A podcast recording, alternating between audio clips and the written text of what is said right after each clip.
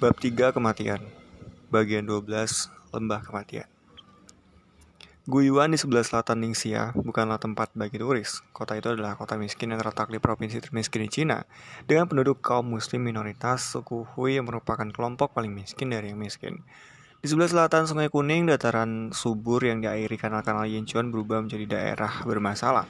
Tanahnya cukup subur, terkadang dengan ketebalan lebih dari 50 meter, sebuah lapisan tanah gelap tak terpilah yang ditimbun oleh angin gurun gobi selama beribu-ribu tahun. Tapi tanahnya tidak menetap untuk dapat diolah dan ditanami. Hujan menggelontorkannya, menata ari mengganggangnya hingga padat. Angin mencambukinya menjadi kumpulan debu Aliran air deras memahat daratan menjadi ngarai-ngarai yang rapuh. Di sini, lahan yang dibuat subur oleh berkah satu tahun keseimbangan antara hujan dan matahari dapat didera dan dihanyutkan menjadi alam liar untuk 10 tahun berikutnya. Tak ada satu hal pun yang pasti, baik hasil panen atau rumah-rumah merah tua dari batu bata lumpur dan siklus kemiskinan belum juga diakhiri oleh batu bata dan semen, kanal-kanal dan danau-danau serta bangunan-bangunan yang bertahan lama. Pendidikan sifatnya wajib, tapi hanya sedikit keluarga kaum Hui yang sanggup membayar biaya tahunan 15 sponsoring yang ditetapkan. Paling, paling banter beberapa kelompok keluarga bergabung untuk mengirim seorang anak ke sekolah yang letaknya bisa jadi dua jam perjalanan kaki dari rumah. Bahkan jika itu terjadi, ia yang biasanya anak laki-laki bukan perempuan, bahwa punya bahwa hanya punya sedikit bekal selain sepotong roti yang sudah mengeras atau bahkan kurang dari itu. Kenyataan semacam ini, kau ketahui dari seorang guru asing di Guyuan, Moira Laidlaw. Kota itu berpenduduk 100 ribu orang dan aku berada di sana selama satu hari. Tapi orang asing adalah makhluk aneh yang jarang ada. Jadi pertemuan kami sama tak terelakannya dengan sepasang magnet. Seorang pengajar mendatangi saya, Anda orang Inggris. Ada seorang guru Inggris, ya temanku. Ayo ikut. Sembari minum teh dan menyantap mie yang dipesan menggunakan bahasa isyarat dari menu yang terdiri dari gambar-gambar, Moira bercerita tentang pekerjaannya di tengah kondisi yang suram ini. Tak berarti itu jadi alasan untuk kehilangan harapan. Kondisi ini sudah sangat diketahui oleh pemerintah maupun badan-badan bantuan asing yang menjelaskan keberadaan Moira di sini, tapi perubahan akan butuh waktu bertahun-tahun, bahkan mungkin hitungan dekade. Sementara itu, para pelajar yang tahu bahwa masa depan mereka bergantung pada pendidikan. Lunglai akibat kelaparan dan di luar kota, banyak anak-anak tetap tinggal di rumah untuk menggarap ladang karena siapa yang sanggup menginvestasikan waktu dan energi untuk pendidikan hari esok saat makanan dibutuhkan hari ini. Jadi, merupakan suatu kejutan mendapati Guyuan memiliki sebuah museum yang bagus yang mencerminkan masa lalu yang cukup kaya. Dahulu, kala Guyuan sama sekali bukan sebuah kota provinsi terbelakang, melainkan sebuah pusat perdagangan barang di Jalur Sutra yang dikelilingi tembok ganda sepanjang 13 km dan 10 pintu gerbang. Semuanya terlihat pada model berskala dari seluruh kota sebagaimana aslinya kota itu di akhir abad pertengahan. Kota itu sudah kaya selama berabad-abad. Seorang bos kawasan itu pada abad ke-6, seorang jenderal bernama Lisien, dianugerahi sebuah makam bawah tanah yang jalan masuknya berupa terowongan yang melandai sepanjang 40 meter dan dijaga 237 prajurit tanah liatnya sendiri. Mungkin nulis sendiri yang ketika itu membeli koleksi paling berharga di museum itu. Sebuah vas perak abad ke-6 yang anggun diisi adegan-adegan yang dipaham, diilhami legenda Troy terasa ganjil bagiku bahwa Aphrodite, Aphrodite terlihat menari bersama Menelaus, Helen, dan Paris di sebuah vas yang dibuat 2000 tahun setelah jatuhnya kota Troy. Di sebuah kota Cina 4.500 km dari Persia dan 7.000 km dari Troy sendiri. Guyuan jatuh ke tangan bangsa Mongol pada 1227 tanpa banyak keributan. Begitu mudahnya hingga tak seorang pun pernah menyinggungnya. Jenghis pasti tahu persis kenapa ia menginginkan tempat ini karena baru 8 tahun sebelumnya yang melakukan perjalanan lebih jauh ke barat pada rute yang sama, di Bukhara dan Samarkand. Jika semua berjalan lancar, tak lama lagi bangsa Mongol akan menguasai seluruh jalur rute perdagangan yang menghubungkan Cina dengan Eropa melalui Asia Tengah. Dan tak jauh dari situ, terletak pangkalan militer yang paling sempurna yang akan kulihat bersama Jorik dengan ditemani wakil direktur museum Yan Sijong. Tujuan kami adalah The Liupan Sunstead Forest Park yang seperti tampaknya diketahui Tuan Iwan dan semua orang lain ke sanalah Genghis Khan dibawa pada hari-hari terakhirnya. Sepanjang 70 km jalan di sebelah selatan Guyuan membentang di atas perbukitan landai dan mantel musim panas mereka yang berupa rumput dan tanaman pangan di sana sini disela oleh ngarai coklat yang dipahat hujan. Di sebelah kanan kami menghijau bagai jamrut dengan panggung seperti punggung kadal menculang pegunungan Liupan tepat sebelum ujung ujung selatan Provinsi Ningsia. Anda berbalik menghadapnya dan menyusuri kembali berisi lembah berisi curam. Setelah beberapa kilometer, dua jalur bangunan mengapit gerbang masuk tam taman yang aneh, naga putih yang dibentuk menjadi persegi panjang, tulang bungkung punggungnya beton yang, ber, yang berduri merentang di atas jalan di balik pintu gerbang itu terhampar alam liar yang memiliki keindahan menakjubkan, dan meski tempat itu banyak didatangi pengunjung, nuansa keterasingan yang sama menakjubkannya. Tempat ini sama sekali tak dikenal orang asing, dianggap tidak layak disebutkan di buku panduan mana pun, karena merupakan taman baru, sulit dicapai dengan jalan akses yang masih dalam proses penyelesaian, dan tanpa tempat menginap kecuali 10 kamar sangat sederhana di gerbang naga itu. Namun, Kunjungan ke sini sepadan dengan semua ketidaknyamanan itu karena tempat ini adalah sebuah keagungan yang begitu luas dan tak tersentuh. 6.790 km persegi, seukuran dua wilayah country Inggris lebih besar dibanding negara bagian Delaware. Itu ukuran perseginya di atas peta. Di atas daratan, tempat ini berupa lipatan-lipatan tiga dimensi, barus, barisan demi barisan punggung dan puncak bukit berhutan serta ngarai yang dibentuk sungai kecil yang pasti hampir dua kali lipat luas permukaannya. Di dalam pintu gerbang, jalan baru itu meliuk-liuk ke atas mengitari tikungan-tikungan tajam dengan pemandangan yang lebih megah lagi. Dataran rendah bertingkat-tingkat yang menghilang ke dalam kabut di belakang kami. Kami tengah menuju jantung taman ini, ujung jalan ini. Lokasi perkemahan di terakhir Jengkis. Aku membayangkan banyak ger dan padang rumput bayang bayangan yang tidak bisa saya selaraskan dengan hutan-hutan lebat ini jalan memuncak dan menurun memasuki ngarai penuh pohon cemara, berbatuan dan air yang mengalir deras, kemudian menanjak kembali menyeruak pada pemandangan yang membuat jantung melorot. Perkemahan terakhir Jengkis Khan terdiri dari tiga tenda Mongol yang terbuat dari beton baru yang bagus dan mulus. Kubah-kubah kerucutnya digantungi untayan bendera kecil warna-warni, beberapa mobil dan berbagai macam motor memenuhi lahan parkir di ruang terbuka di belakang ger-ger beton itu ter- berdiri beberapa kuda dan kereta pertanian tua dan dari kayu. Seperti ruang buruk versi Cina terhadap lukisan gerobak kayu terkenal karya Constable.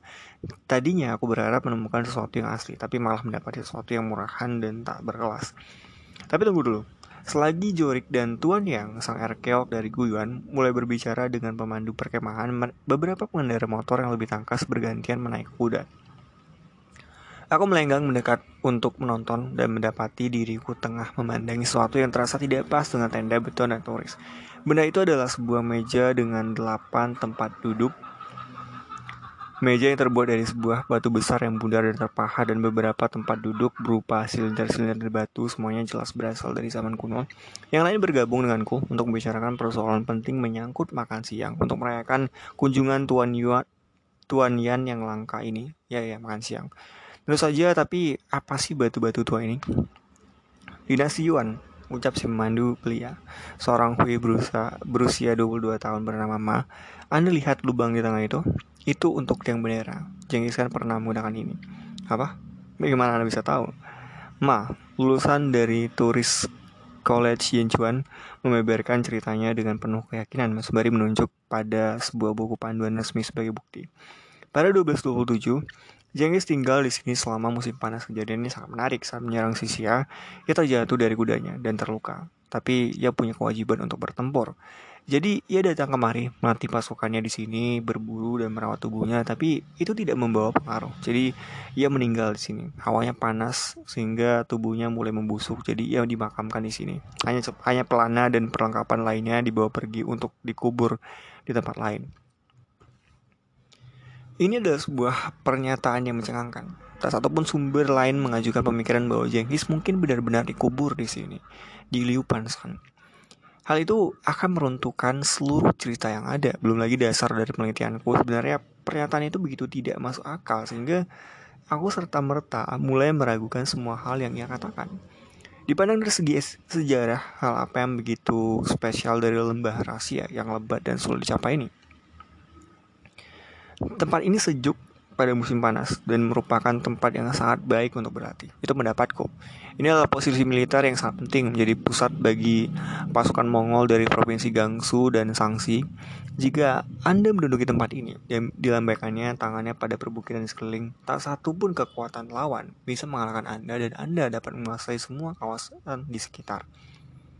Sebatas itu ia benar. Seperti tampak dari pandangan sekilas pada peta, pegunungan Liupan berada 200 km dari perbatasan Sisia dan 150 km dari perbatasan Song, tepat di tengah-tengah sayap barat wilayah Jin.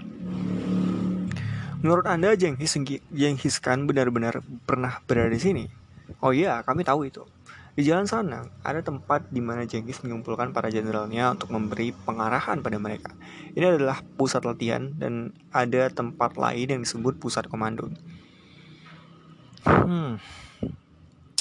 Apakah sungguh mungkin seluruh pasukan mesin-mesin, pengepung, dan semuanya sanggup melewati jalur curam tadi? Dan begitu tiba di sini, bagaimana mereka berkemah, berlatih. Tempat ini semua berupa hutan, tidak ada padang rumput.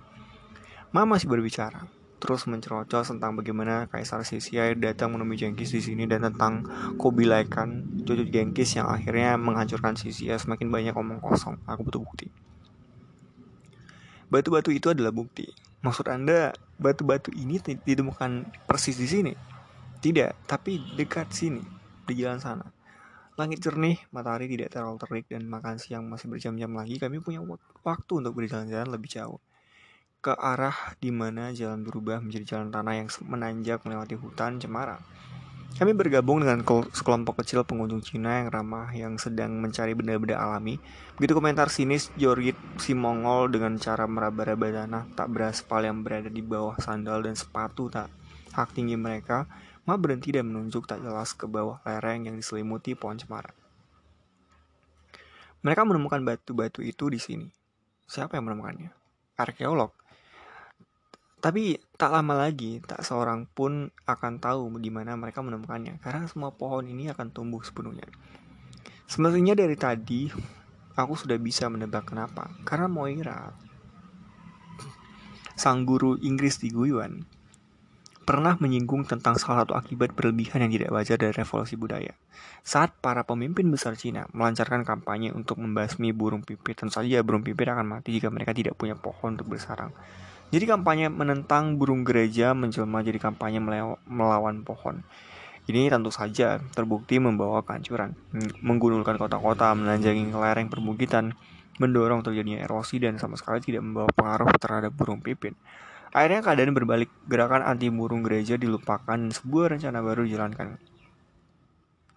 Semua orang di mana pun harus menanam pohon. Tempat ini yang baru diproklamirkan sebagai taman nasional akan dijadikan hutan seketika. Itulah akhirnya aku merek aku menerka penjelasan untuk keberadaan hutan cemara yang tumbuh dengan cepat ini.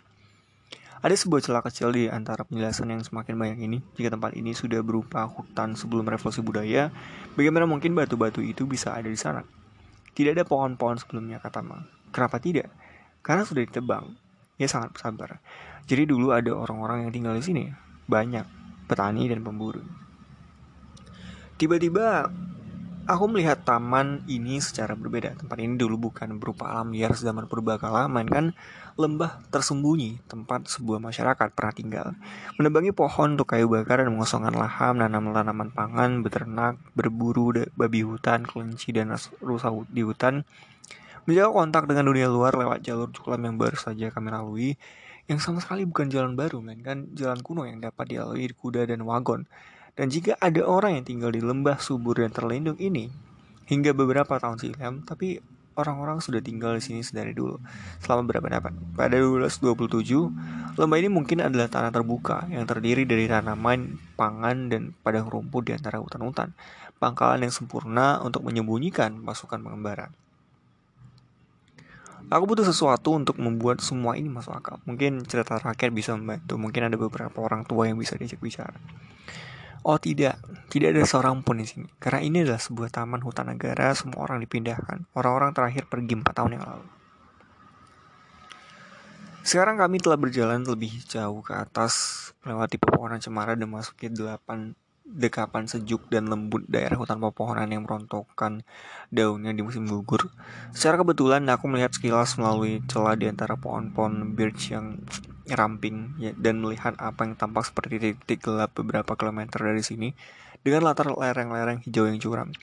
Tapi lihat, bukankah itu rumah? Rumah-rumah yang berdiri di atas daerah pedesaan yang sangat terbuka, lembut dan hijau pucat, selalu bermantelkan tanaman biji-bijian yang tengah matang Kelihatannya seakan pegunungan telah membentangkan hamparan karpet selamat datang.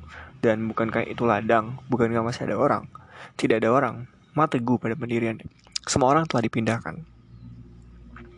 Ya, seseorang masih mengharap lahan-lahan itu. Tidak, tidak. Iya, masih. Itu biji-bijian baru, tanaman baru. Bukan tanaman baru. Itu mustahil. Selama 4 tahun, tak seorang pun datang kemari. Ini menggemaskan. Jika ada tanaman, itu berarti ada orang. Dan orang berarti sumber informasi dari cerita rakyat. Dan mungkin lebih banyak bukti tentang apa yang sesungguhnya pernah terjadi di sini. Lihat, jalan setapak. Aku menunjuk pada celah di semak-semak tepi jalan dan jejak ban mobil. Sebenarnya, jika itu memang benar jejak ban mobil, jejak itu dibuat oleh mobil yang sangat kecil. Polisi, kata Mak. Ia kesusahan memberi penjelasan sekarang. Naik motor. Menuju ke mana? Untuk menemui siapa atau apa? Hening sejenak. Meski tak ingin, Majelis tampak penasaran seperti orang juga Jorik yang sedari tadi berperan sebagai penerjemah dan pendamai. Jika jalan setapak itu mengarah ke rumah-rumah tadi, hanya akan dibutuhkan waktu satu jam untuk pergi ke sana dan kembali lagi. Maka siang bisa menunggu. Kami bertiga mulai bergerak dan mendapati diri kami berada dalam daerah berhutan indah bagi lukisan. Jalan setapak terbuka yang mengarah ke sungai-sungai indah yang semurni air kemasan di bawah kanopi dedaunan yang menyaring sinar matahari menjadi bercak-bercak hijau. Jejak-jejak tadi yang baru berusia beberapa hari bukan dibuat oleh mobil atau motor. Jejak itu dibuat oleh traktor kecil beroda dua dengan setang panjang yang Anda kemudikan dengan duduk di atas kereta gandeng. Tapi saat kami tiba di sana, melewati kolam dan ladang yang tadi kulihat dari jalan itu, itu bukan gandum, mainkan sesuatu seperti gas, hanya lebih kecil. Kami masuki sebuah dan satu jumlah rumah batunya yang sudah mau rubuh dan ditumbuhi tanaman liar. Atapnya yang berupa genteng, leng lengkung, abu-abu dan sudah tak terbentuk lagi akibat dimakan usia. Jalan-jalan setapak di antara rumah-rumahnya ditumbuhi rumputan.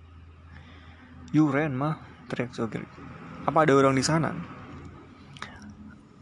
Tak terdengar agaung dari bukit-bukit di seberang sana. Juga tak ada suara yang menjawab. Tak ada suara kecil jangkrik dan burung. Semuanya suasana mencekam. Jalan-jalan setapak dan ladang itu menunjukkan keberadaan manusia. Tapi di sini yang ada hanya keningan, kehancuran, dan keruntuhan. Berbagai macam skenario dramatis melintasi benakku. Semua orang telah melarikan diri, semua orang telah mati. Tak lama lagi kami akan bertemu satu orang yang tersisa. Seorang Ben Gun, versi Cina yang dibuat gila oleh tahun-tahun yang dia bisa sendirian di alam liar. Kemudian di seberang halaman yang ditumbuhi tanaman liar, kulihat sesuatu yang menambah dimensi lain. Benda itu adalah sebuah mangkuk batu besar berdiameter 1 meter dipahat dengan sangat baik dengan bekas-bekas sebuah pahat batu menakik permukaan bagian dalamnya. Benda itu tak mungkin dipahat seorang petani biasa dan ini juga bukan sesuatu yang baru. Berbagai hubungan berkilatan bagai lampu-lampu Natal. Meja di perkemahan tadi dinasti Iwan dan sekarang ini palung minum sapi, sebuah palung minum kuda Mongol. Pasti kesimpulan itu berdebam masuk ke tempatnya bagai sebuah kunci yang dilumasi dengan baik. Sekarang kurasa saat itu aku keliru, tapi itu adalah inspirasi lebih lanjut di balik pemandangan yang megah melintasi ladang dan menuruni lembah yang dalam bayangan itu setelah digunduli dari pohon-pohon menjelma menjadi padang rumput yang sempurna, lengkap dengan sungai. Pasti seseorang dapat memberitahu kami apa yang dulu pernah ada di sini. Kami harus kembali dan menemukan orang, bagaimana dan kapan, aku tidak tahu. Itu juga yang lain. Kami beranjak pulang berpikir dalam diam melewati ladang yang penuh tanda tanya, menyusuri jalan setapak menyeberangi sungai. Dan di sana, tiba-tiba, tepat di depan kami, ada seorang wanita sebuah sosok yang tampak pendiam dan terhormat dalam kemeja abu-abu, celana panjang gelap dan penutup kepala putih berbentuk topi koki. Menandakan ia seorang hui muslim yang membawa seorang anak balita berusia sekitar 3 tahun dengan pipi merah celana monyetnya. Sudah pasti anak itu perempuan. Karena mengenakan celana panjang yang sobek di bagian selangkangan dan menggandeng seorang bocah laki-laki beberapa tahun lebih tua. Yang terbungkus jaket abu-abu usang dengan tulisan Snoopy tercetak dengan samar sekujurnya. Sebuah tas terselampir di bahunya, yang tengah mengumpulkan sejenis tanaman pakis seperti asparagus yang bisa dimakan, yang ia sebut Hisie, yang tak diketahui baik oleh Mao maupun Jorik. Dalam sekejap, ia memecahkan banyak misteri. Namanya Li Bocheng dan adalah suami serta saudara iparnya yang menggarap lahan yang baru saja kami tinggalkan. Pada satu waktu mereka pernah tinggal di sini dan bahkan setelah pihak berundang memindahkan mereka, mereka menolak melantarkan ladang mereka, ladang kecil mereka. Siap musim panas mereka kembali untuk bercocok tanam dan memanen. Oh iya, ia pernah mendengar tentang Genghis Khan, tapi jika kami ingin tahu tentang itu, kami lebih baik bicara pada para pria. Mereka akan kembali bersama sapi-sapi nanti. Kami kembali pada pertengahan sore mendapati enam pria bersama wanita tadi serta dua anaknya. Sebuah rumah berdiri dengan pintu terbuka memperlihatkan sebuah tungku batu bata dan panggung tidur dan batu yang di atasnya berserakan kasur-kasur. Dibangun di atas perapian untuk memberikan pemanasan pada malam hari. Di depan rumah terdapat lembaran plastik yang di atasnya ditersusun rapi akar-akar tumbuhan obat yang mereka sebut soyo. Kami beranjak berjongkok di atas potongan-potongan batu dan kain karung tua, sementara sang wanita membawa teh hijau dalam botol-botol selai. Suami sang wanita, seorang pria kurus tapi kekar berusia 30-an yang mengenakan kemeja bergaris hitam putih, mengambil peran sebagai juru bicara. Bercerita pada kami tentang Jenghis seolah-olah Jenghis adalah pemilik rumah sebelum dirinya. Semua ini sembari melambaikan tangan ke arah lembah dulu adalah kepunyaan Jenghis. Ini adalah tempat latihan. Tempat pengawalnya tinggal. Dan di atas sana tempat sapi-sapi itu berada, itu tempat ia tinggal. Tempat pertemuan. Di bawah sana, di bawah ladang Rami, oh itu Rami bukan gandum atau Gars adalah pusat komando. Itu yang diceritakan ayahku padaku, karena itu yang diceritakan orang orang tua padanya. Saat ia datang kemari, 50 tahun yang lalu, aku ingat ayah dan kakekku membicarakannya, dan tepat di atas sana, itu yang mereka sebut tempat duduk Genghis Khan. Maksudmu, dataran yang berjenjang-jenjang itu? Bukan, bukan.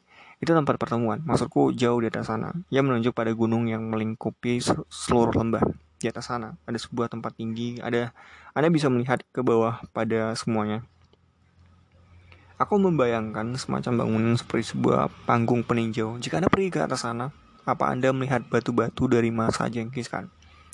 Banyak batu, palung-palung tempat makan ternak, dan benda-benda lain saat aku masih kecil. Benda-benda itu tampak di mana-mana, tapi sekarang sebagian besar sudah terkubur dan ditumbuhi tanaman liar. Aku membayangkan akan membuat penemuan arkeologi hebat. Bisakah ia menunjukkan pada kami? Ya, bisa. Tapi pendakiannya sulit. Lewati semak belukar, kami harus mengenakan celana panjang dan berhati-hati dengan rumput beracun. Aku mengangkat alis sembari melihat sandal Jorik, tapi ia tidak gentar. Aku Jorik. Aku seorang Mongol. Ucapnya, meremehkan tantangan fisik macam apa pun. Kami berangkat pukul 8 keesokan paginya, melewati dataran bertingkat-tingkat di atas rumah bersama dua bersaudara Yu He dan Yu Wuse sebagai pemandu. Sembari kami berjalan di antara pohon-pohon cemara, kakak beradik Yu itu menontorkan kisah mereka. Saat keluarga mereka pertama kali datang, tempat ini adalah sebuah kelompok yang terdiri dari 30 keluarga. Pada suatu waktu, 100 tahun silam, ada sebuah kuil Buddha di sini. Meski sering di seiring gelombang kedatangan kaum muslim Hui, kuil itu diper, dipreteli untuk mendapatkan bahan bangunan. Kuil menjelaskan batu-batu kokoh yang digunakan pada rumah-rumah desa itu. Kemudian lembah itu sengaja dibiarkan tumbuh lebat dalam kebijakan yang disebut stop bertani tanam pohon. Sekarang semua orang telah pergi, mereka adalah yang terakhir. Hanya datang pada musim panas, berjalan melewati pegunungan bersama beberapa lusin domba dan beberapa sapi untuk mengurus ladang-ladang dan mengumpulkan akar-akar tanaman obat di hutan. Kami akan pergi sebelum mereka menyerahkan ganti rugi kami, atau mungkin mereka akan menawarkan hasil panen sebagai ganti uang tunai. Jadi kami akan terus bertani saja selama kami masih bisa. Sekarang kami sudah memasuki hutan lebat. Salah seorang dari dua bersaudara itu menunjuk pada onggokan gelap di tanah, kotoran beruang. Ada beruang di sini selain rumput beracun. Oh banyak. Ada enam di sekitaran pertanian beberapa hari yang lalu selanjutnya sambil memimpin kami menyusuri sungai kecil di bawah jalinan kusut hutan anakan. Kami menyeberangi sungai itu dan mendaki lereng yang nyaris tagak lurus dan lembek karena beralaskan campuran jerami dan dedaunan basah. Dan di bagian atasnya, tanah yang dinaungi pepohonan birch yang kulit kayunya mengelupas berubah menjadi dataran semrawut dipenuhi bebatuan menjulang dengan permukaan datar berbentuk meja kecil dan aneh. Jalan itu dulu sampai ke arah sini, ucap Yu Wuhe santai. Dia adalah saudara yang banyak ngomong, saudara yang satu lagi tak berbicara sepatah kata pun. Sulit untuk memahami dataran yang tampak semerawut dan penuh bercak itu, tapi ya aku bisa melihat di mana sebuah jalan tanah mungkin pernah berada. Melewati tonjok tonjolan batu setinggi 5 meter yang ditumbuhi tanaman liar yang mungkin alami, mungkin juga tidak. Terdengar teriakan lebih jauh dari arah sana, ditambah serentetan percakapan yang tidak jelas. Seorang pria berlutut mengais-ngais tanah yang lunak dengan tangannya dan satu pria lagi di tempat teduh di sana dan lebih banyak lagi, semuanya berjumlah 10. Mereka sedang mengumpulkan tanaman obat. Mereka sudah berjalan sejak sebelum fajar dari desa mereka yang terletak 25 km dari sini. Nusri satu dari banyak jalan setapak di pegunungan dan biasa bekerja sepanjang hari. Demikianlah alam liar mengungkap lebih banyak tentang dirinya, seolah sedikit demi sedikit membiarkanku memahami apa yang membuatnya begitu menarik bagi petani dan pemburu selama berabad-abad. Dan mungkin selama beberapa tahun bagi para prajurit pengembara. Tempat ini terkenal dengan tanaman-tanaman obatnya. Belakangan saya melihat sebuah daftar ada 33 jenis. Jenis yang disebut Changbo di sekitar sini. Perusahaan obat setempat membeli Changbo dengan harga 22 yuan kurang lebih 2,75 dolar per kilo dan setiap kelompok semacam ini dapat mengumpulkan 2 sampai 3 kilo per hari. Namun, apa kegunaan akar-akar yang menyerupai bawang itu dan bagaimana mengolahnya? Tak seorang pun tahu. Yang mereka lakukan hanyalah mengumpulkan dan menjualnya. Yu He melambaikan tangan, tempat ini kami sebut tempat pengobatan Genghis Khan.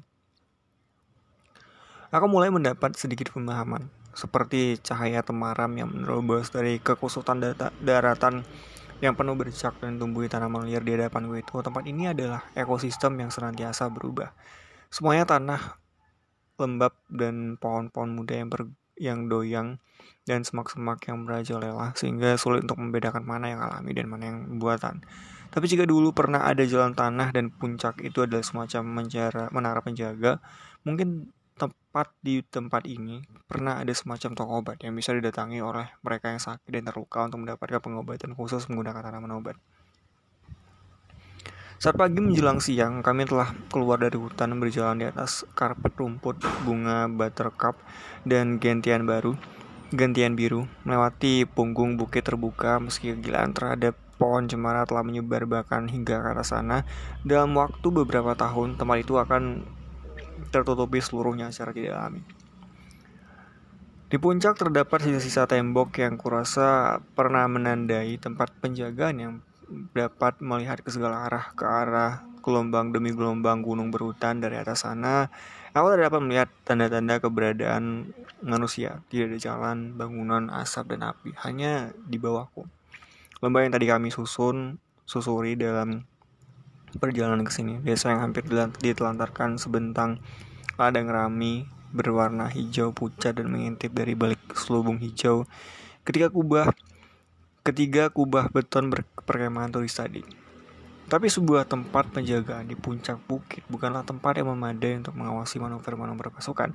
Aku ingin menemukan tempat tinggi yang dijanjikan sebelumnya. Kami turun dan mendapati semak-semak berduri. Ini bukan semak belukar biasa, melainkan pohon-pohon setinggi 3 meter yang berpilin-pilin lebat. Bertaburan duri bagai ujung tombak, sebuah hutan kecil yang cukup kokoh dan tajam untuk menjaga putri tidur di suatu tempat yang dekat sini. Gumam Yuhes selagi kami berkeliling dengan berhati-hati karena tempat tinggi. Tinggi itu. Berada tepatnya, saya mulai kehilangan kepercayaan lagi saat permukaan tanahnya menjadi datar. Kami berempat setelah berpencar di antara semakin banyak pohon cemara terkutuk berkumpul kembali. Apakah ia tahu di mana kita berada? Tanyaku pada Corik dengan putus asa. Terjadi percakapan singkat, kemudian ini dia, tempat duduk Genghis Khan. Dia juga menyebutnya tempat sang raja.